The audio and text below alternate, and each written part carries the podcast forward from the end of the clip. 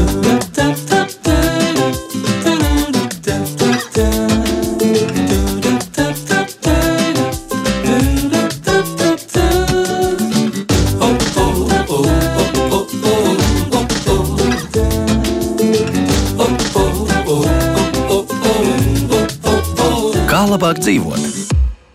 Esiet sveicināti! Mēs atkal esam ar jums. Studijā Kristiāna Lapiņa, raidījuma producenta Loreta Bērziņa, bet pie skaņu pults, pie skaņu pults Kristaps Eida. Šodien runāsim par to, kā varētu Latvijā audzēt zivis, kā tad ir ar to nodarboties un kāpēc zivjaudzēšana varētu būt arī biznesa ar potenciālu.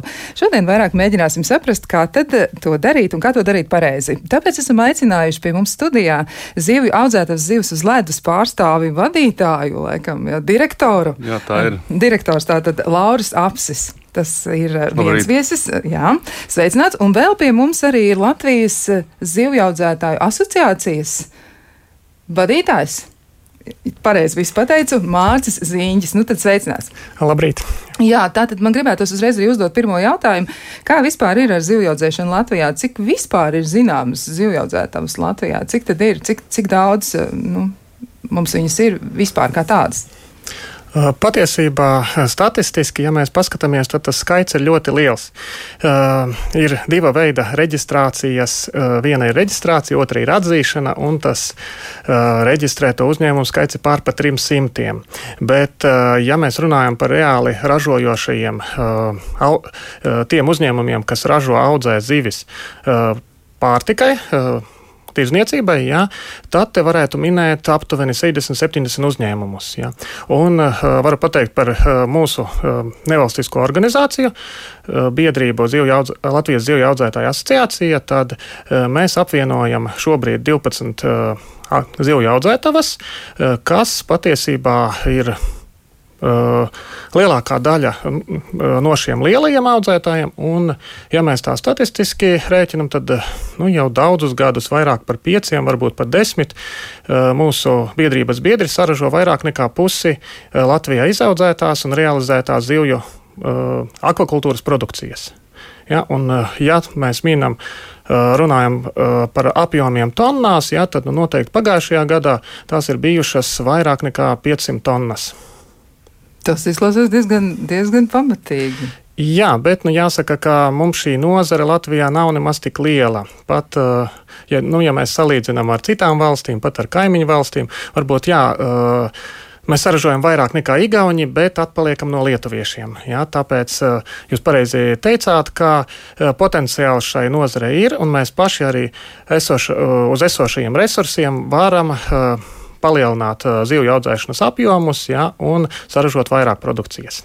Skaidrs. Tā tad eh, potenciāls ir. Tā ir laba ziņa visiem tiem, kas ir kādreiz apsvēruši šo ideju. Un te nu man jautājums arī ir cilvēkam, kurš ir pats izmēģinājis, kā tas ir, ir nonācis pie idejas un arī pie idejas realizācijas. Varbūt eh, mazliet iezīmēt uz stāstu, kā tas vispār sākās un kā jūs nonācāt pie tā, ka jums tagad ir zivju audzētava, zivs uz ledus, un jūs pie tam audzējat nevis tādas ierastas zivis, nu, kas latvietim ir prātā uzreiz, bet, bet citādāks. Varbūt izstāstiet tomēr, kāds ir. Jā, tas stāsts aizsākās pirms nu, jau vairāk kā astoņiem gadiem.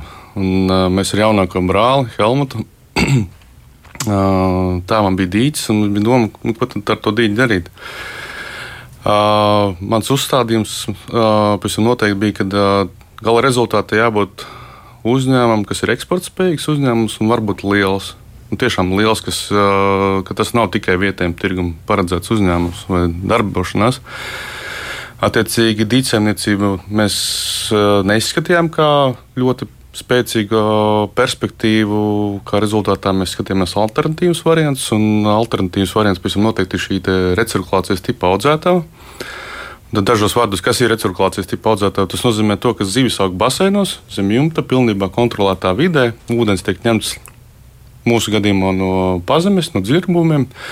Kā rezultātā mums nav ne atmosfēriskās ietekmes, ne ziemas, ne vasaras. Mums ir pilnībā kontrolēta vide cauru gadu neatkarīgi no tā, vai ārā ir mīnus 40 grādi vai mm, tagad bija plus 35 grādi. Un tajā pat laikā šis ražošanas cikls ļauj nodrošināt zīves priekšveikaliem ik nedēļu cauru gadu. Nav šīs sezonalitātes, kad tad ir, tad nav. Jā, ir izaicinājumi, ir sarežģījumi kādreiz, bet uh, pie normāliem apstākļiem mēs spējam darboties iknedēļas, uz iknedēļas bāzes, ka mēs katru nedēļu dodam ārā trīs tonnas uh, artiskās palijas. Uh, ne tikai vietējiem tirgum, bet arī ārpus Latvijas. Bet, nu, tā tad astoņi gadi, tas ir, nu, tāds no vienas puses diezgan, nu, iespējams laika posms, no otras puses uz tādu lielu biznesa fonu, tas, nu, tāds nieks vien ir.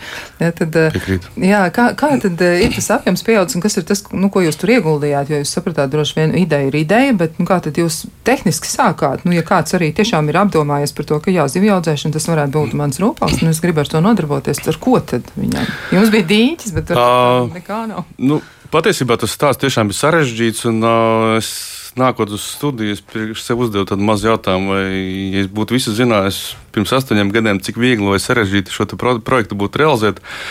Ja es zinātu, visdrīzāk es nobītos. Bet tāpat laikā es ar tīru sirdsapziņu varu teikt, ka izvēle bija pareiza. Es biju vienkārši gaidījis, ka tas būs varbūt vienkāršāk, vieglāk, ātrāk, bet izaicinājumi ir lieli. Viņi arī turpmāk būs. Šis projekts ir pilotprojekts. Uzsākot projektu, mēs, protams, ar saviem, finansē, ar saviem līdzekļiem tikai ar saviem līdzekļiem to nebijām spējīgi pacelt projektu, jo tas ir diezgan finansiāli ietilpīgs pasākums. Mēs piesaistījām investorus no, no Somijas, divi strateģiski investori, kas viens ir Ziemeļvalstu valdību veidotas fonds, kas atbalsta zaļos fondus, saīsinājumā tas ir NEFCO. Otrs partneris mums ir Salmo grupas uzņēmums. Un ar šo investoru, pie, investoru finansējumu ir iespējams šāds projekts pacelt. Jā, kā minēju, šis, bija, šis ir pilotprojekts. Ir lietas, ko mēs iemācījušies šajos nu, jau trijos gados, kad mēs darbojamies. Redzam, kas ir jāpilnveido, un ir pavisam noteikti plāns arī attīstīties. Bet kas ir tas lielākais izaicinājums jums? Ja jums tagad, jūs teicāt, jā, nu, es nebūtu otrais, varbūt uz to parakstījies. Uh, daudzas nezināmas lietas, varbūt tā nojausma bija. Uh, kaut kā tik vienkārši kā zivju, efektīva zivju plūsmu starp basēniem no brīža, kad viņa no, ir ikra stadijā, līdz brīdim, kad viņa nonāk jau uz, līdz veikalam. Šī loģistika ir salīdzinoši vienkāršs process, bet tāpat laikā tur tik daudz nianses ir, kurām jāpievērš uzmanība. Lai, jo atkal viens ļoti vienkāršs piemērs. Pagājušā gada beigās mēs teiksim, tā uzņēmām Es viņu saucu par dāvanu. Mēs nopirkām zivju šķirotāju, zivju greideri, respektīvi zivju šķirotāju, zivju pumpi. Un, kā rezultātā ar šīm divām iekārtām mēs aizvietojām četru cilvēku nedēļas darbu, un šīs iekārtas to darbu var izdarīt aptuveni 6 stundu laikā. Un, ja mēs tam neesam izgājuši cauri, mēs īsti līdz galam nevaram saprast, precīzi, kas ir tāds, tāds optimizācijas pozīcijas, lai, lai, lai nu, ilgtermiņā būtu daudz efektīvāki, ātrāki, stabilāki. Nu, viss, kas tās labās lietas vajadzīgas.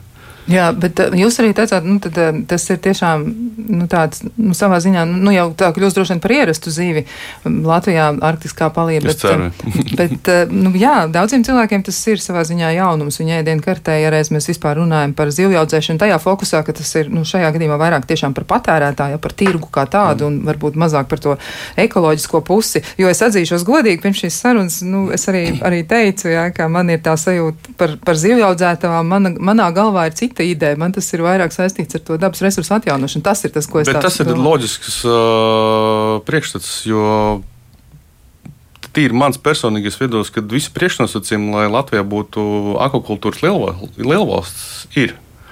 Resursi mums ir, ūdens mums ir ļoti lielā apjomā pieejams, uh, arī zināšanas ir, bet uh, kaut kādā formātā mēs tik un tā, kā Mārcis jau minēja, tad, ja runājam par dīķiem, mēs iepalikam, iepalikam no lēšiem.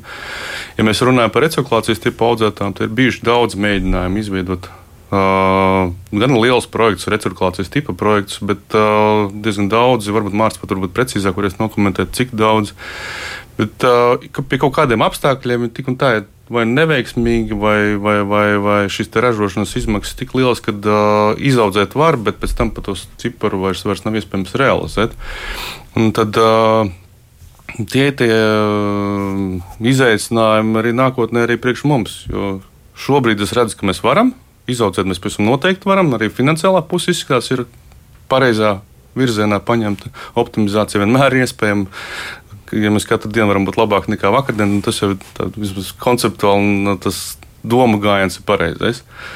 Um, Jā, Mārcis, varbūt, te, Mārcis, varbūt tevi komentāri jā, par šīm. Bet pirms es došu vārdu Mārcim, es gribēju vēl pajautāt tieši par to pašu zīvi, zivs izvēli. Kas bija pamatā tam, ka jūs izvēlējāties tieši jā, nu, šo zīvi? Zivs uz ledus audzēja artisko pāliju. Uh, atkal, varbūt, diemžēl, sanāk tā kā atgriezties visu laiku pagātnē. Uh, Pie tiem lēmumu pieņemšanām, un uh, kāpēc mēs darām to, ko mēs darām.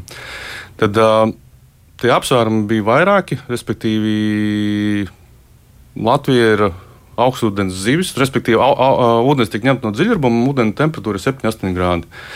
Attiecīgi, ir diezgan loģiski um, audzēt augstūdens zivi. Nu, manā skatījumā būtu absurdi mēģināt audzēt tagad tilapijas, uh, ņemot ūdeni no pazemes un to ūdeni sildīt. Tas no, e, e, gala rezultātā finansiālais rezultāts būtu diezgan bēdīgs manā skatījumā.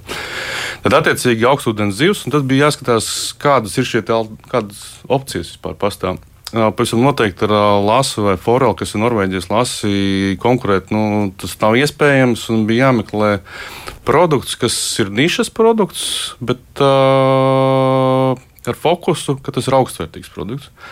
Un par labu krita artiskie pālie.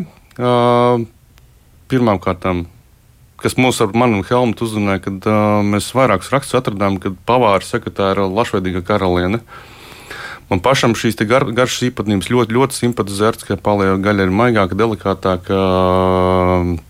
Un viņa varēs tieši tāpat kā vai forela, arī uzturvērtības. Vismaz tie materiāli, ko mēs bijām atraduši, ka viņi ir vērtīgāki nekā vai forela.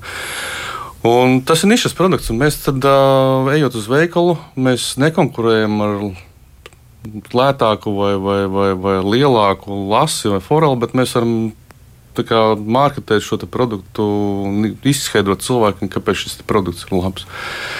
Un labs ir tieši tādā iemesla pēc, ka recirkulācijas tipa audzētāji ir viens no zaļākajiem veidiem, kā audzēt zīves. Ja mēs salīdzinām pret to pašu lasītu no Norvēģijas, kas ir audzēts krātņos, tad šeit dabas jautājums ir sekundārs.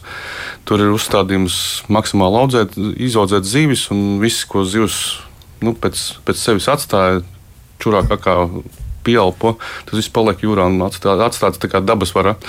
Mūsu gadījumā tas viss tiek attīrīts. Skaidrs. Tātad savā ziņā var teikt, ka jūsu izvēle par labu šai zivī bija saistīta ar ūdeni. Nu, nu, Visciešākajā veidā. Zaļi domājuši pieeja. Zaļi domājuši pieeja klāt pie visiem. Jā, tas ir ļoti labs starts. Bet, nu, komentējot to, kāda tad ir varianti zivjaudzētāju izvēlei, kā tad to var darīt vispār, kādas ir opcijas?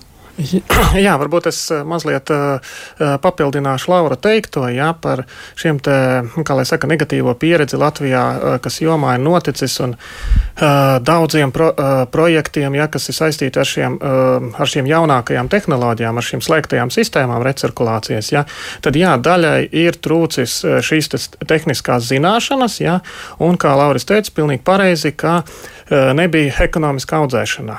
Jā, izaudzēt jau nemaz nav tik grūti, bet izaudzēt ekonomiski, konkurētspējīgi, jā, tad, tad tas ir jau cits jautājums. Jā. Un, ja tas neizdodas realizējot projektu, uzsākot ražošanu, jā, tad visdrīzāk šāds uzņēmums agrāk vai vēlāk bankrotēs, kā lai saka, pazudīs no tirgus.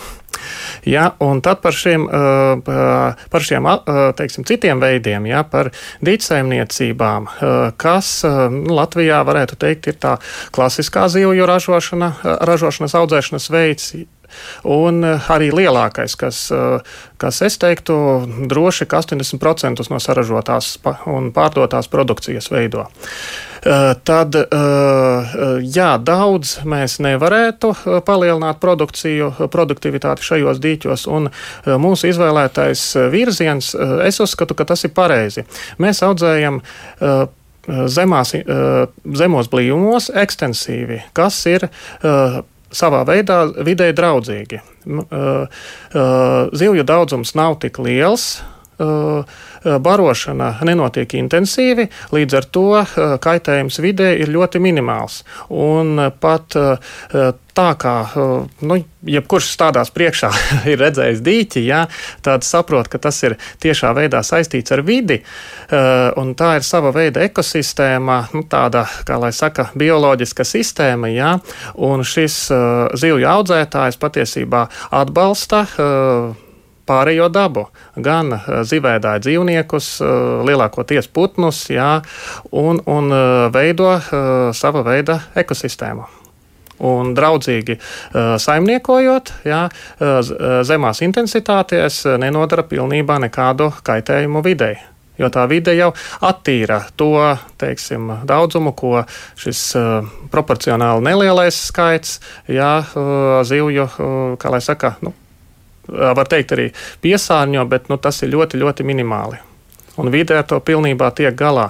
Un jāsaka, te vēl viens liels pluss Latvijai ir tā, ka um, Mēs zinām, uh, un uh, uh, teiksim, šīs dīķsēmniecības lielākā daļa, lielākās platības tika veidotas padomju gados, attīstoties lauksēmniecībai, un dīķi tika veidoti tādās lauksēmniecībai neizmantojamās vietās, kas ir patiesībā diezgan skarbi tādi vides apstākļi, purvainas, mežainākas, zemākas vietas, kur, kur tī, iekopt tīrumu nebija iespējams, ja, vai tas prasītu ļoti lielu lielus līdzekļus.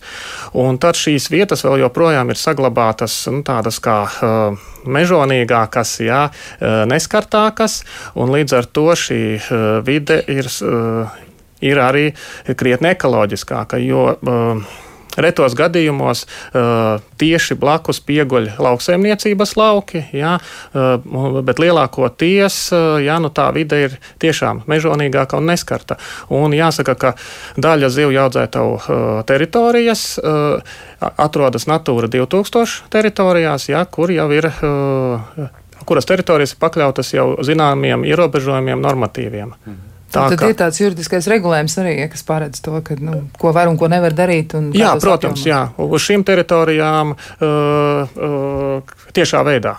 Jā. Jā. Vienīgais, ka mīnus ir tas, ka. Uh, ja mēs esam šis dabas fokus, mēs diemžēl nespējam konkurēt ar citiem citu valstu ražotājiem, kur šis prasības varbūt ir zemākas, kā rezultātā viņiem izmaksas uz vienu kilogramu ir zemākas. Un tad šī konkurence ir daudz asāka un pat varbūt pat sarežģītāka un atsevišķos gadījumos varbūt pat neiespējama.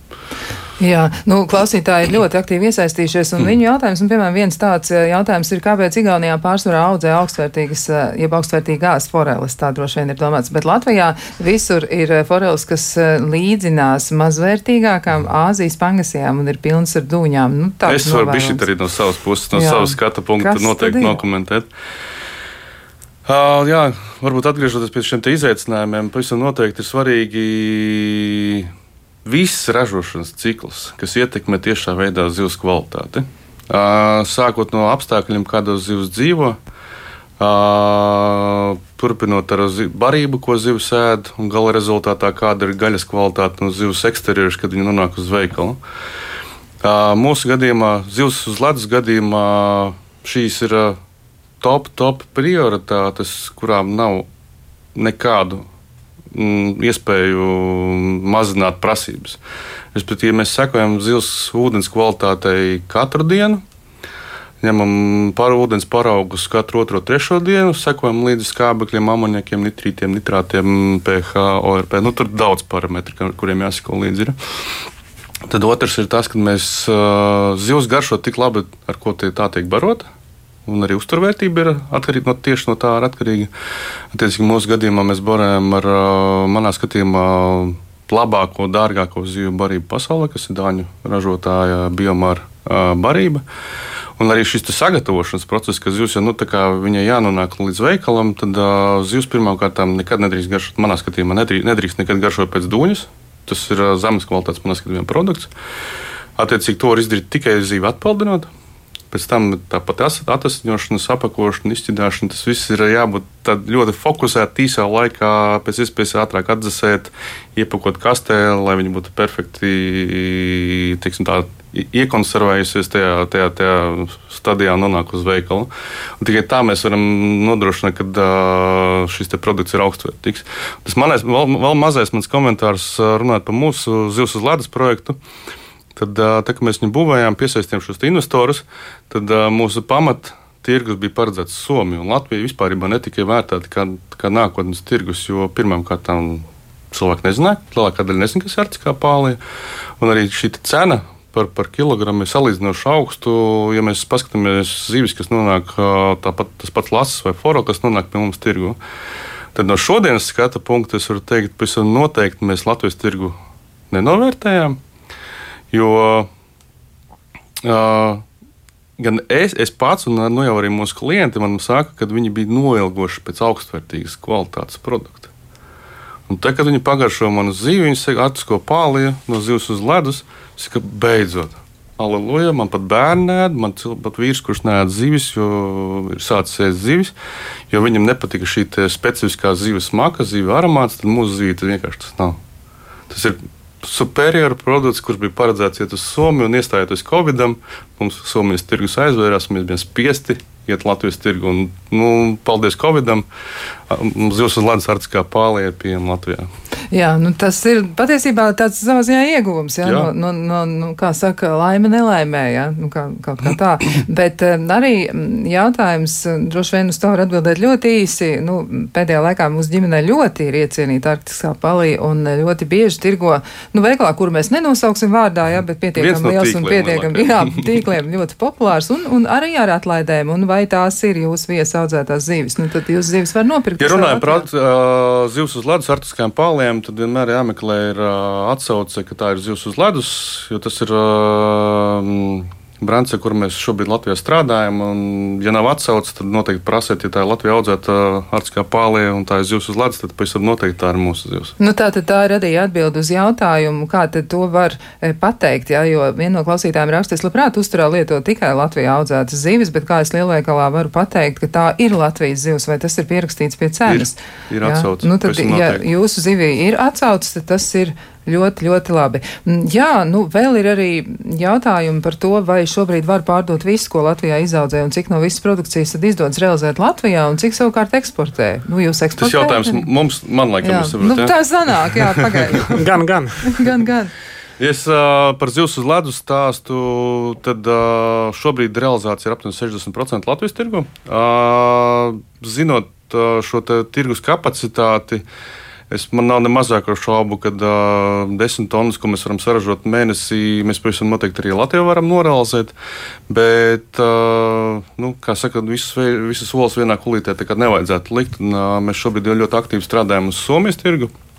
Ir, ir, ir, ir iezīmes, kad uh, mēs varam atdzīvināt šo stāstu par Somijas tirgu, kas savukārt uh, nozīmē to, ka uh, mums nu, jau jāsāk lēnām garā domāt par nākotnes attīstības Jā, tiem nu, otriem etapiem. Nu, izskatās, ka jums varbūt arī būs kāds konkurents, ja, jo šis cilvēks konkrēti uzdod jautājumu par to, vai būs iespējas realizēt sarežģīto, un liekas, ka viņam Droši, ir kāda doma. Tikai par, jā, jo, vairāk, par. Kval, jo vairāk kvalitatīvu dzīvi ražotāju mums būs no, tir, Latvijā, jo šī nozara ātrāk un spēcīgāk attīstīsies. Jā, nu varbūt tomēr Mārcis ir ko piebilst. Jā, Bet eh, runājot par jomu kopumā, tad eh, nu, varbūt tik liels īpatsvars nav eh, uz importu, jā, un pamatprodukcija tiek realizēta Latvijā, un tas varētu būt 90 vai pat mazliet vairāk procenti no kopējās saražotās izaudzētās produkcijas par visām sugām runājot. Jā. Un šeit jāsaka, ka arī šobrīd jā, tā sajūtām spiedienu krīzi krīzi. Uh, iestājoties uh, Covid ierobežojumiem, jā, bija īpaši sākumā bija šī nesapratne, un uh, da, dažu, daži patērētāji, teiksim, pilnīgi uz nulli aizgāja, ja, bet šobrīd uh, tirgus ir stabilizējies, noieta tirgus un uh, ar, ar tādu stabilu augšupēju. Un, uh, mūsuprāt, potenciāls noteikti ir. Un, uh, ja mēs runājam par pēdējiem aptuveni trim gadiem, jā, tad uh, problēma problēmas ar zivju realizāciju nav. Tas pieprasījums ir pietiekoši labs. Jā. Nu, Izņemot šo īpaši sākuma Covid ietekmes mm. periodu, jā, un kopumā šai nozarei saskatu potenciālu. Bet, protams, tā, ir jābūt kvalitatīvai, tā ir jābūt konkurētspējīgai cenas ziņā zivju produkcijai, jā, tā kā tā ziņā visam jābūt kārtībā. Starp citu, kompliments jums no klausītājiem. Paldies! Jā, jā jo paldies par jūsu darbu un veiksmi biznesā. Esmu redzējusi palīdzību veikalā un tagad noteikti to pirkšu. Skaidrs, ka šodien cilvēks ies uz veikalu un nopirks zivi. Jā, nu, ir jau tā, ka. Nu, zivs bez mums var iztikt, bet mēs bez zivs nē. Mums Jā. ir laikam par to tā jādomā. Jā, ļoti laba ziņa patiesi. Bet eh, vēl tāds jautājums arī pirms mēs uh, dosimies tādā īsā atpūtā. Vēl jautājums arī, kādas zivis Latvijā vispār audzē? Uh, pamatsuga būs noteikti karpa, kas uh, sastāda. Uh, es domāju, ka te ir 80%. Jā. Nu, tā ir tā klasiskā, klasiskā suga, klasiskais audzēšanas veids, dīķi. Jā. Un tas, manuprāt, tas lielais pluss ir tieši šī, šī dabas, dabas vidē audzētā, ekoloģiskā zivs. Tālāk, es domāju, ka šobrīd Laura uzņēmumam eh, darbojoties, eh, tad forele un palija eh, apjoma ziņā varētu būt statistiski līdzīgā mm. daudzumā. Ja, un tad, protams, ir nāk klāt, nu, pamatā gan tās arī tiek dīķos audzētas. Līņi, līda, kas, teiksim, nu, tad te var uzskaitīt, ja mazos daudzumos, tad. Zander, tas vēl patiesībā ir kas, un ir pat vēl daudzas sugas, jā, jā, sugas jā, ir, jā. zinu, ka, nu, ir mēģinājumi audzēt, nu, cik, cik daudz man grūti, es nezinu tiešām, bet, nu, tur ja, jebkas, ko mēs varam iedomāties, es domāju, ka kāds kaut ko nu, jā, uz, ko, uz kopēji realizētajām 700-800 eh, tonnām gadā, tad eh, nu, tur, eh, ja tur tonna vai zem tonnas parādās, nu, vai ir vērts tās uzskaitīt mm. sugas. Jā, tā tad visnotaļ dažāds tas piedāvājums varētu būt, un cilvēki tiešām laikam izmēģina daudzas lietas. Laiks jūsu jautājumiem! 6722, 888, mūsu e-pasts, klausītājs Latvijas radio.lv. Turpinām sarunu par zivjaudzēšanu un par gan grūtībām, gan riskiem, gan arī veiksmēm, kas saistītas ar šo jomu. Un e, esam ieaicinājuši sarunā vēl vienu sarunas dalībnieku, un tas ir zivju audzētavas purviņa īpašnieks Ojārs Dābers. Sveicināti! Labdien! Jā, gribētos uzrunāt arī jūs, jo citādi patiesi liekas, ka mēs runājam tikai, nu, kā saka, gandrīz par vienu pieredzi stāstu, bet Latvijā zivjaudzētava, es atgādināšu vēlreiz, kā teica arī e, Mārcis Ziņģis, ir 300 vismaz, ja, tad ir tādas, kas ir reģistrētas un zināmas, un ir arī noteikti vietējie pašu dīķi, kur kaut ko audzē arī tā tāda maza, maza zivjaudzētava varētu teikt. Bet kā jums klājas, kā klājas purviņos, kā tad e, jums veicas ar zivju audzēšanu, kas ir tas, ko jūs audzējat? Paldies par apjautāšanos. Mums klājās ļoti labi. Covid ietekmi mēs nejūtam. Cilvēki zivis ēd un ēd. Un, uh, es klausījos jūsu pārēdi iepriekš, un uh, pirmīt, un uh, pilnīgi tam visam pievienojos. Uh, jo tā pamata mēs vienkārši dzīvojam unikālā, unikālā zemē, ja, kad uh, mums tiešām ir ļoti ekoloģiska produkcija. Jo Nauda ir nauda, nauda vienmēr ir vajadzīga. Jautājums, cik, cik kuram tas pietiek, jāteiksim, bet otra lieta ir tīri sirdsapziņa un ko tu cilvēkiem baro un kādu produkciju tu audzē. Un šeit ir tas foršais, ka mēs ar savu darbu nepārkāpjam šīs te, no nu, iekšējās tādas ētikas normas, un par to ir liels prieks, jo mums ir visi priekšnosacījumi tam, kad uh, mēs neaudzējam lielā biezībā, saimniecības, kā jau mācīs, atrodas, teiksim, mūsu saimniecība atrodas vispār. Uh, tepat uh, lauksaimniecības zemes nav riņķī, meža, meža, meža ieskauti esam. Jā, tātad, un zivīs svarīgi ir divi faktori - vide, kādā viņa dzīvo, un otrs pats galvenais ir barība, ko viņai baroja. Un tā kā dīķiem ir daudz dabiskās produktivitātes, jau uz hektāru, teiksim, tas nozīmē, cik kilogramus mēs varam izaudzēt vispār nebarojot. Ja?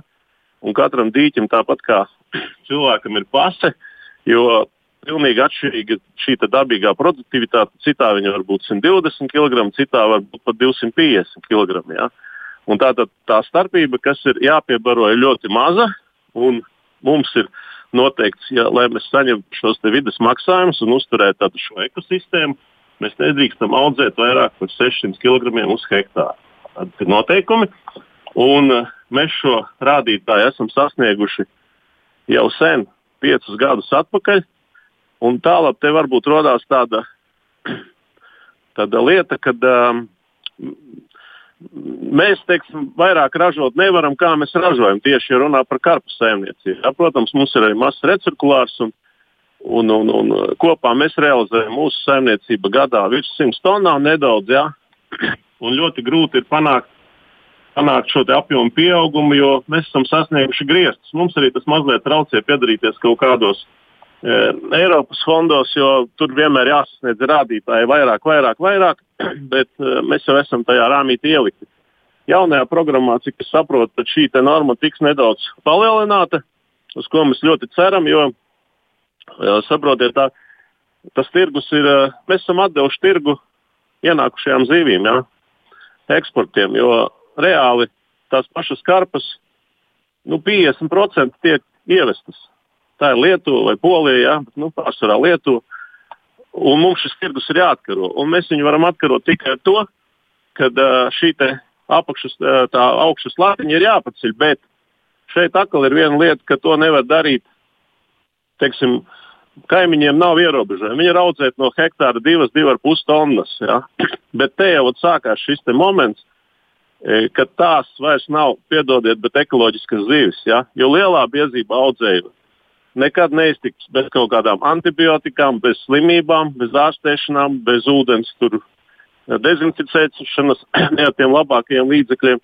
Un tāpēc uh, ir jāatrod šī te, šis te vidusposms, bet mēs esam pārāk zem nolikti. Ja teiksim, palasa pēdējos pētījumus, ko mūsu pašu institūts taisa, ka bioloģiskā saimniecība būtu 1500 kg uz hektāru, tad kaut kā man nelīmējās tā bilde kopā, kāpēc vidas maksājumam ir šie 600 kg. Ja mēs redzam, ka Polijā tas vides, vides maksājums un viss ir pusotra tonna no hektāra vai tonna 200, tad uh, tad mums vismaz arī pēc pieredzes, es tās zivis jau kaut kā audzēju 30 pāri gadu, un pēc pieredzes arī pēc padomu laikos, lai kā mēs tur runājam, bet uh, pilnīgi pieredze rādīja, ka tonu audzējot ekosistēma nemainās, slimību nav. Un ot, šis ir tas moments, ko mums vajadzētu, un tad mēs arī apkarotu tirgu un būtu vairāk pieejamas mūsu, mūsu zivis tirgū tieši. Uh, kas attiecās uz mūsu saimniecību, tad mēs Eh, līdz šim kaut kur eksportējām 20%. Tad uh, Covid laiks, protams, darīja savas visādas izmaiņas, un šobrīd es pilnīgi droši varu pateikt, ka mēs eksportējam jau 40% zivis. Tas gan ir tagad pretrunā, liekas, jā, karpas ved iekšā, ko jūs eksportējat, jā, un tās ir citas zivis, gan tās ir sami un storas. Jā. Jā, nu tā tad jums ir arī diezgan apjomīgs tas viss, eh, ko jūs darāt, un arī jūs teicāt 30 gadu pieredze, tātad, nu, tomēr ir daudz novērojumu. Arī droši vien Mārcim varētu būt komentārs par to, nu, par to ekoloģisko audzēšanu, lai tiešām izvairītos no slimībām, no izvairītos no arī dažādu veidu problēmām, kas ir saistīts ar zivīm un zivju veselību un dzīvi un vispārējo, nu, to ciklu, ko zivi ir jāpiedzīvo, un tomēr tādos, nu, ekoloģiski atbilstošos apstākļos viņai vajadzētu atrasties. Kas ir tas jūs novērojums, kā tad, kā tad ir Latvijā? To? Jā, papildinot, un patiesībā, kā jau es iepriekš teicu, ka es pilnībā atbalstu šo te virzienu, ka mēs uh, neaudzējam tik blīvi zivis, tik lielus daudzumus. Ja? Un tas viss uh, nāk par labu uh, tieši slimību kā lai saka, nebūšanām. Ja? Tāpēc mēs nesaskaramies ar, ar uh, šīm problēmām. Ja? Jo intensificējot, uh, audzējot zivis lielākos uh, daudzumos, blīvumos, ja? saskaramies ar dažādām, dažādām problēmām. Gan teiksim, infekcijas slimībām, ja? notiek vieglāka, vienkāršāka šo slimību pārnese, šie ūdens vides kvalitāte pazeminās, kas arī tiešā veidā ietekmē zivju veselību jā, un, uh, un arī apkārtējo vidi. Jo, ja mēs paraugamies uz kaimiņiem, jā, tad audzējot šīs divas tonnas, uh, šajā te, uh, platībā vienā hektārā, jā, tad iedomājamies paši, cik barības tiek izbarots, jā, un kur nonāk šie visi zivju vilmaiņas gala produkti, jā, tā pašā vidē. Un ar šādu daudzumu viennozīmīgi uh, tā dabiskā vide netiks galā. Un tas tiek vāji aizskalots, kā lai saka, ar šiem caurplūstošiem ūdeņiem tālāk, nonāk upēs, ezeros, jūrā. Jā veicina šo vides eitrofikāciju, jā, bet, ja mēs audzējam šādi, kā mēs to darām Latvijā, nu, praktiski varē, es varētu teikt, ka 80-90% dīķsaimniecības to uh, dara šādā veidā, ja pat vēl uh, mazākus uh, zivju daudzumus, uh, teiksim, uh, Un, un, un, jā, šādā veidā mēs audzējam zivi, iegūstam labākas kvalitātes uh, uh, produktu, jā, un, un, un, un, un uh, Būtībā arī uh, mazākas galvas sāpes, uh, uh, mazāk darba, teiksim, cīnoties ar šiem ūdens un slimību likstām. Jā, bet mēs esam ierobežoti. Ja mēs audzētu vairāk, mēs vairāk nopelnītu. Man mazais komentārs ir uzreiz pie tādas ātras risinājums, ko mēs kā patērētāji varam darīt. Tas mans aicinājums, lai pērkam zivis no tiem, ko mēs pazīstam. Jā, ka mēs zinām audzētāju, mēs zinām, ka tas ir. Ka tur apakšā ir stāsts, ka mēs zinām, ka šis ojārs, piemēram, viņam ir šis pieeja zaļi domājošs, tīra sirdsapziņa, pareiza barība, normāla blīvuma, nevis nezināms kaut kāds ražotājs no Norvēģijas, Dānijas, Lietuvas, Polijas vai no kurienes. Arī no turienes noteikti ir labas zīves, var atnākt, bet tas mans aicinājums pērkam no ražotāja, kuru mēs pazīstam, kurus mēs zinām, kāds viņu šis domāšanas veids, pieejas veids, un tad, pārliec, tad mēs varam iegūt pārliecību, ka mēs pērkam labi audzētu zivi, nevis kaut kā izaudzēt. Tas ir būtiski un izskatās, ka saruna arī ir īstajā laikā, jo viena no klausītājiem raksta, ai, cik ļoti trūkst reklāmas mūsu valstī audzētajām zivīm un cik daudz jaunu es uzzināju par zivju audzētājiem un audzētavām. Un patiesi, nu, 300 reģistrētu audzēto jau ir ļoti, ļoti būtisks skaitlis uz Latvijas iedzīvotāju kopējo skaitu un arī uz mūsu paradumiem, jo tomēr Latvijā mēdz cilvēki ēst dzīves izvēles diezgan bieži, un ja viņi vairāk var saņemt labu produktu, jo, protams, vairāk viņi būs tendēti arī to izmantot, un arī vienlaiks varbūt tas nu, tas pieprasījums un pieprasījuma veids arī nu, savā ziņā vedinās audzētājus ļoti, ļoti atbildīgi izturēties pret to zivju audzēšanu kopumā. Nu, par to statistiku un skaitu arī man mazais komentārs tomēr būs. Ja mēs tikai vienkārši salīdzinām 600 tonnas gadā izaudzē un 300 audzē, tas nozīmē viena audzētava divas tonnas izaudzē. Aptuveni tā, tas, tas, tas mans atkal novērojums vai aicinājums, ka tas skaits ir pārāk liels un tā, tas katrs viens, viens vai vidējais viens audzētājs izmērs ir mazs. Un šī maza audzētāja nav spējīga pietiekoši plaši komunicēt, lai cilvēki viņu varētu atpazīt. Viņa pat reģionā būs atpazīstama, bet, ja mēs runājam par visu Latviju, viņa būs salīdzinoši grūti atpazīt. Pat mēs, kas jau strādājam divus gadus, es zinu, ka ļoti daudz cilvēku no mums nezina. Un tāpēc tas mans aicinājums vai novērojums ir drīzāk, ka jābūt kaut kādai konsolidācijai, vai tie kooperatīvi, vai kā savādāk, ja mēs runājam par dīķsēmniecībām, ka tās, nu, tā, tas, tas, tas veidojums ir spējīgs komunicēt plaši, un cilvēki viņu var atpazīt, jā, ka šis ir konkrētās apvienības vai konkrētas zīvaudzētāja produkts. Pretējā gadījumā mēs būsim mazi, sīki, mums ļoti viegli ir izšķirt. Nu, droši vien jau arī, ka Latvijas zivjaudzētāja asociācija var palīdzēt ar to, ka var nu, paplašināt to informācijas lauku un arī iepazīstināt cilvēkus ar vietējo produkciju un stāstīt vairāk par to. Nu, noteikti jūs arī to darāt. Jā, savā veidā un zināmā lielumā mēs to darām. Bet te tik tiešām jā, tas reģistrēto zivju audzēto skaits ir ļoti liels. Un, kā jau teicu, tad uh, tikai aptuveni 60, 70 ir tādi, kas reāli ražo tās zivis un regulāri uh, tirgo. Jā, un tad, ja mēs ka, paskatāmies jā, nu, uz sevi, uz mums, jā, uz asociāciju, jā, tad mēs apvienojam 12 audzētavas, kas kas izaudzē vairāk nekā 500 tonnas gadā. Jā, Tas ir, es domāju, ka noteikti ap 60, vismaz virs 50% no kopējās realizētās produkcijas. Jā. Bet jā, tā kā. Tā kā pieprasījums pēc zivīm ir pietiekoši labs un ar noietu es teiktu, ka pr praktiski visos gadījumos problēmu nav, ja, tad, tad, tad mēs neveltam tik lielas pūles, ja, esam slinkāki.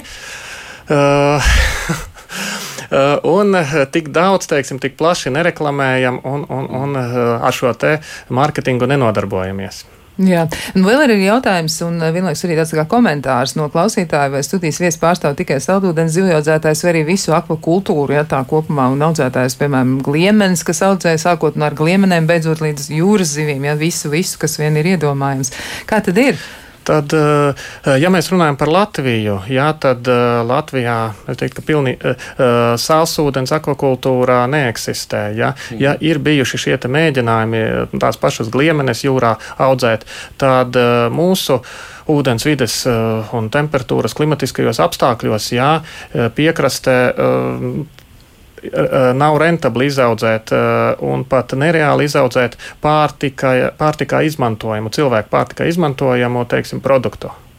Jā, šie ūdens vides apstākļi nav piemēroti. Jā, tāpēc eh, šobrīd jā, būtu Eh, būtu eh, zināmi veidi un iespējas audzēt zivis eh, šajā iesāļajā Baltijas jūras ūdenī, Latvijas piekrastē, jā, bet līdz šim šie mē, mēģinājumi arī nav, nav bijuši sekmīgi un atzīti par neekonomiskiem un nerentabliem. Tāpēc Latvijā mēs varam runāt reāli tikai par saldūdens zivju audzēšanu.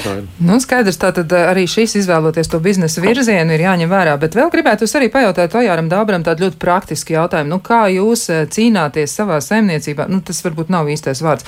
Kā jūs, kā jūs rūpējaties par to, lai sadalītu uh, zivju krājumus un guvumu, kas ir no dīķa starp sevi, patērētāju un arī starp putniem? Klausītājiem ir tādi jautājumi, jo es saprotu, ka kāds arī jau nodarbojas ar šādu veidu vai nu biznesu, vai arī nu, vienkārši varbūt ir dīķis, un, un tas ir konkrēts jautājums. Un kā tad var tikt galā ar šo problēmu, ja putni izēd lielu daļu no, no tā, kas dīķi ir, un tas ir dabiski, ka tā viņi dara?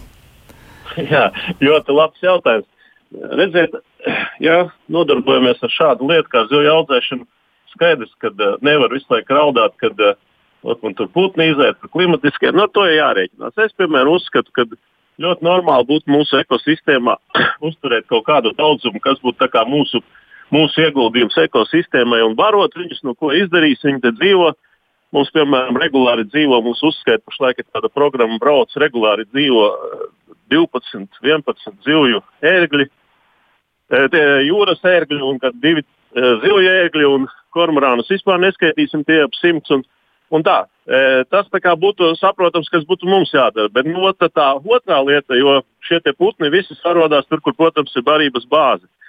Un tad reizēm ir tā, ka tiešām nu, labi ir salikt šie lielgabali atbaidīšana, visādi repletanti, bet, bet nolaižās rokas, ka tu esi bezspēcīgs. Un tev ir tā kā dzēns stūrī ar to, ka tu nedrīksti neko karot, ja teiksim, tur ūdeni, tur nu, skaidrs svēta lieta, bet tie ir, ja tur kaut kādi pētījumi bija, kad uz 200 hektāriem ir viens ūdens, tad es to apgāzu.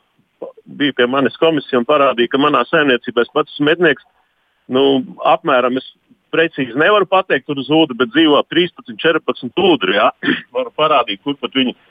Un eh, ka to neieklausās. Un, nu, diemžēl, jā, nu, te ir tas, eh, tā nevēlēšanās mūsos ieklausīties. Un, Un tad mēs nu, ejam uz to beidzamo. Mēs, diemžēl, arī pašlaik esam tiesvedībā, esam tikuši līdz Eiropas tiesai, kad nu, kaut ko maksājam. Tad maksājam. Jā, mums eh, it kā maksā nosacīti de minimis, tie 10 tūkstoši gadā no šiem zaudējumiem aprēķinātiem, lai gan tiek aprēķināti viņi ļoti lieli.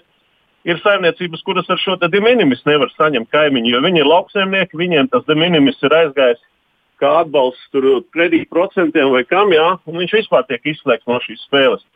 Un tad ir tā, ka to cilvēku dzen stūrī, un kas notiek, ja viņš galīgi tiek iedzīts stūrī. Un tad ir jautājums, cik, cik tālu tā likumība var iet, ja? un gribētos to atrisināt likumīgi, un pašlaik mēs to ceļu ejam. Ja? Bet nu, ir, pašlaik tiešām ir ar vien vairāk tas viss. Es, piemēram, uzskatu, ka ļoti pareizi būtu atļaut eh, letāli medīt kaut kādus kormorānus, tik līdz viņi parādās, ja? kaut kādu daļu atmetīt. Tad viņi paliek bailīgi un tomēr jo viņu ir par daudz. Jā. Nu, ir te, šī te nav tā dialoga, jā. Nu, neieklausās mūsos, kas mums sāp. Jā. Daudzumi ir lieli. Es varu pateikt no savas pieredzes, ka Es kormorānus ieraudzīju pirmo reizi kaut kādā 90, tur, ne, pirms tam zooloģiskā dārzā bija, bet pie sevis saimniecībā kaut kādā 94. 5. gadā parādījās pirmais, mēs brīnījāmies, kā viņš kokā sēž. Ja? Viss ir tā, un tad mēs tās zivis, ko laižam. Jā, izskatās, ka man pazuda nobeigums sarunai par zivīm, bet, bet ir tā, ka Ir gan, jā, ir, ir atpakaļ, kaut kur skaņa laikam vienkārši bija izgaisusi. Jā. Tātad, tātad mēs laižam trīsreiz vairāk šos zivis iekšā nekā laidām tad, kad šo putnu un ūdu tik daudz nebija. Ja? Un mēs tā kā, kā barojam, uzturam šo, ko, šo eko vidi. Bet būtu godīgi, ja mēs par to saņemtu kaut kādu maksājumu. Ja? Nu, tagad ir jauna programma, kur ir ļoti. Nu, Nu, viņa ir tāda, nu, mums ir divreiz mēnesī jāceļās piecos, obligāti jāuzskaita, nedod Dievs, tur būs 10% kļūda no tā brīža, kad pārbaudītais. Viņa tāda, ne, nu, manā, manā skatījumā, tas nav, tas nav tāds uh, foršs sadarbība. Ja? Ir jābūt Jā. godīgiem, atklātiem un kaut kā jāsaka.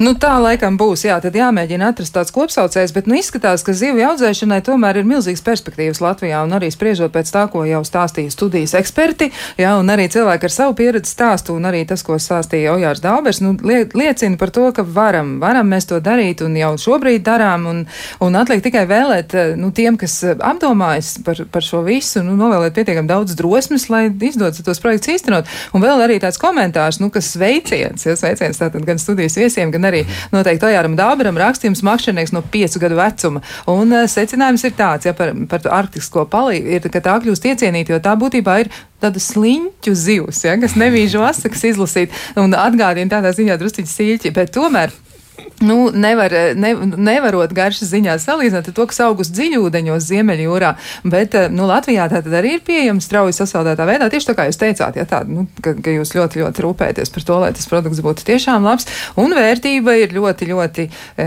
augsta, ja divreiz augstāk salīdzinot laikam ar kaut kādām nu, citām zivīm, jūs arī minējāt, ja, par, par lasi, par foreli, un um, jā, nu, garšas ziņā ir, ir um, Arī nu, pietiekami laba un nu, klausītājs novēl veiksmi zivju biznesmeņiem. Ja? Nu, tāds, tāds labs apzīmējums. Nu, ko, e, izskatās, jā, ka perspektīvas ir, ir arī labi pieredzes stāsti un noteikti klausītājiem nu, tiešām ir vērts likt aiz auss, ja kad ir tā, tā nu, tad vēlreiz reducējot to skaitli, tas ir mazliet mazāks, ja tad tās lielākās audzētavas ir 60 līdz 80, ja jūs teicāt aptuveni audzētāji. Tie, kas audzētāji, regulāri tie, kas regulāri audzē. Bet tas nozīmē, ka tirgu ir, un jūs arī teicāt, ka pietiekami liels, nu, tas daudzums nonāk Latvijas tirgu, tā kā meklējam rokā Latvijas zivi un, un mēģinām tiešām atbalstīt vietējos ražotājus, jo tad tās zivs ir, nu, viņa ir audzēta labākos apstākļos, viņai ir bijusi labāka dzīve, un nu, tas noteikti ir svarīgi, un arī tā ekosistēma tiek nu, tādā veidā saglabāta, uzturēta, un tai netiek nodarīts pāri. Nu, ko? Jāsaka lielu paldies ir zivju audzētavas zivs uz ledus eh, vadītājiem, šefam un Un arī nu, sveicienu arī savam kolēģim. Jā, tātad saku paldies Laurim Apsim, tiešām arī par pieredzi stāstu. Arī noteikti saku paldies Latvijas zivjaudzētāju asociācijas vadītājiem Mārcim Ziņģim un, protams, protams, saku paldies arī zivju audzētavas purviņu īpašniekam Ojāram Dauberam. Un, nu, klausītājiem novēlēsim meklējiet tiešām Latvijas tirgū tās zivis, kas ir audzētas tepat uz vietas, un tādējādi arī mēs atbalstām gan paši sevi, gan arī savus uh, vietējos. Nu, ko, mēs ar jums tiksimies rīt, runāsim par dārza darbiem, un uh, tad lūkosim, ko tad var izdarīt augustā. Ar jums kopā bija Kristiāna Lapiņa, un šis bija raidījums, kā labāk dzīvot. Tiekamies tiekamies atkal rīt, lai jums skaista diena! Kā labāk dzīvot?